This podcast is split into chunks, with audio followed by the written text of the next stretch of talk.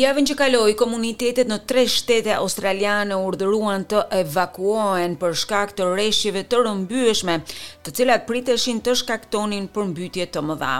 Në fakt, në disa pjesë të vendit u regjistruan rreshje të cilat ishin mbi mesataren e muajit tetor ndër vite. E kështu mira komunitete u përmbytën, kanë patur persona të cilët humbën jetën e u zhdukën.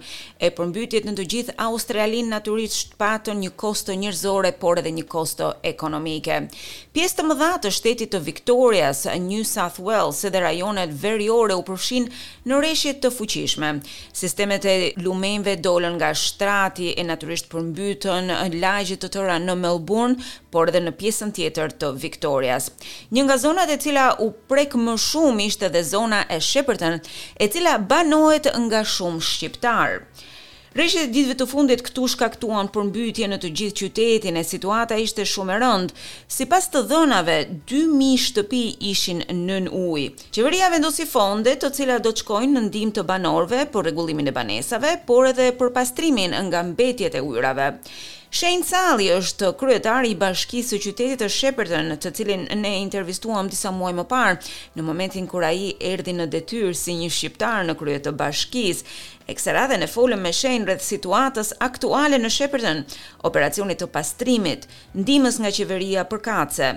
Ajo që bie në sy është aftësia e komunitetit të shepërtonet për të ndihmuar njëri tjetrin, roli i mira vullnetarëve në këtë operacion, të cilët i kanë ardhur në ndihmë viktimave të përmbytjeve, e mbi të gjitha triumfi i një komuniteti të bashkuar ndaj fenomeneve natyrore.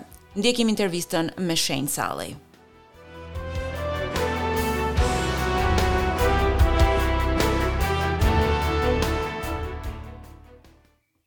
Shane, welcome to Radio SBS. How you going today? Yeah, thanks for chatting with me. Uh, yeah, I'm doing okay today. Uh, community spirit is up. Uh, we've sort of gone past the worst of what the flood uh, was going to deliver from a, a river level perspective. Uh, the the river is starting to recede uh, each day, and now we've got a big cleanup in front of us. How many people have been affected, uh, Shane? Do we have any statistics? Yeah, look, there was probably just over 2,000 properties that were impacted by the flood. So what we're sort of saying is that's not 2,000 people with water through their front lounge room, but we um, had a real disconnect issue. So there was a lot of people that were isolated by the flood waters. So, you know, that obviously provides a lot of connection issues. It was challenging for emergency services to access those people, whether that was for, you know, rescue to get them to our relief centre or to deliver food. But uh, we're hopefully past the worst of it now. A lot of the water has uh, receded away, and, and uh, most people are now actively getting around. So, I guess we are now in the recovery and in the cleanup stage. How's that going? Yeah, so that sort of kicked off uh, probably you know Friday or parts of Thursday and Friday. So, yeah, I mean that's that's devastating for people that have obviously had their their own residential properties impacted by the flood water, and then some returning to their local business as well that has been impacted by the flood. So it's sort of the double whammy, and it's, it's, it's devastating for those people. Uh, but look, majority are in good spirits. Uh, there's a massive community of support out there. Um, when the when the floods were on the way, we had a massive community drive to to um, get as many sandbags together as we possibly could, and we uh, we did over 200,000 sandbags, which is an unbelievable effort from our community. So now that same community effort and drive is coming to the cleanup process. So we're getting into it uh, over the weekend. So, for those listeners that maybe are not involved or they've never experienced flood, so there's been a community spirit, so a lot of volunteers that have helped with this? Yeah, there has. So, with this particular flood, obviously it's impacted a, a significant portion of our community, but there's also a portion that weren't impacted and they really came forward and, and stepped up to the mark because, you know, you need all hands on deck to be able to, um, you know, at least try and offer some relief to people in the, the flood period and then also now with the recovery process. So, yeah, massive community drive with the sandbags and now again a massive community drive to come together. I've had so many people reach out to me, you know, that have bobcats, um, little trucks, uh, you know, community groups that want to come together and clean the mm. streets. So, and our local council are also doing that as well. But what we've said to community is that you know, if you wait for your local council, it's a long process. You know, there's only so many resources they have of to be course. able to go around and, and collect rubbish. So, you know, if we want our city clean, uh, let's get into it together. Uh, you know, the old saying, you know, don't wait for anything. If you want something done, do it yourself, and, and that's what's happening. That is amazing to hear. And what has this experience been like for you, Shane? I mean, you had just started in the role. Obviously, um, that had challenges of its own, but then to be faced with this, what is that like?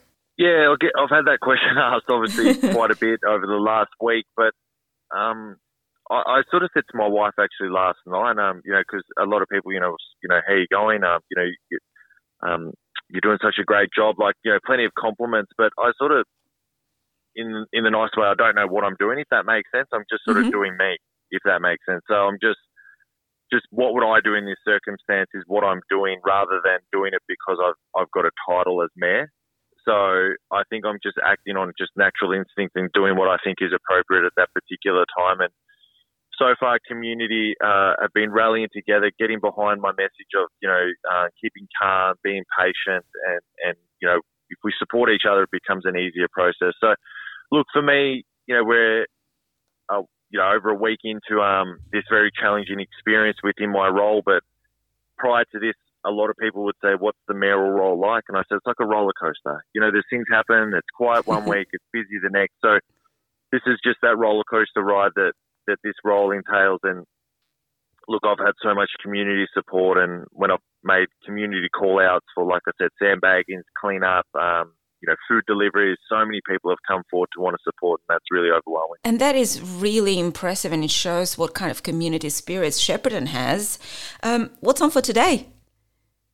Yeah, so today I'm heading to Mooroopna, so within Greater Shepparton, so the catchment that um, our local government sits within. Obviously, Shepparton being our biggest city, our second largest city is Mooroopna.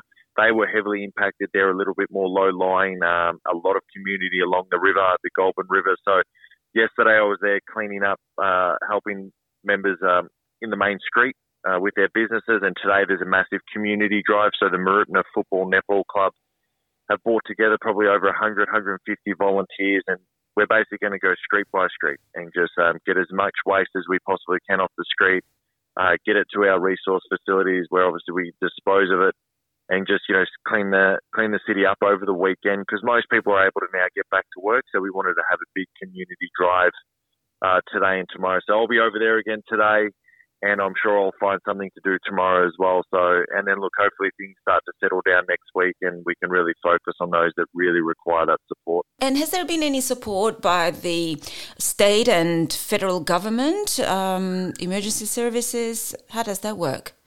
Yeah, so there's individual payments for those that have been impacted. So we've had relief centres set up here. We've had uh, three relief centres where obviously those that require that assistance, those that perhaps were evacuated or chose to leave early and, and couldn't return back to their properties, we had relief centres set up. And we had uh, government representatives there obviously helping with uh, the flood relief one-off payment, which is just over a $1,000.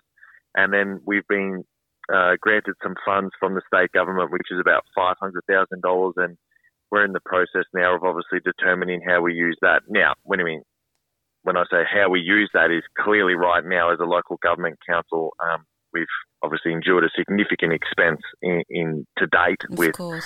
you know, preparing for the flood and now with the cleanup. So, look, we're, we're clearly going to be advocating for uh, greater funds to come our way, both federal and state, because our infrastructure has been impacted, uh, and we need some temporary combination to support those in need, and that's short-term, medium, and long-term options. So once you work out the numbers and the support that's required, then it's, it's easier to sort of tell government, look, this is what we need, rather than oh, I don't know, we might need this. Of so. course, that makes sense. Well, um, it's raining in Melbourne. You said it's raining in Shepparton as well, but I hope that doesn't stop the recovery and the cleanup process for you. Um, I wish um, it goes very well for you and for the council members and for all the volunteers that have been helping the community so far. No, thank you. Yeah, look, obviously a little bit of rain today, but you know, like I said, when community comes together, uh, this won't stop anyone. So, no, thank you for uh, speaking with me. Thank you, Shane. Thank you for your time.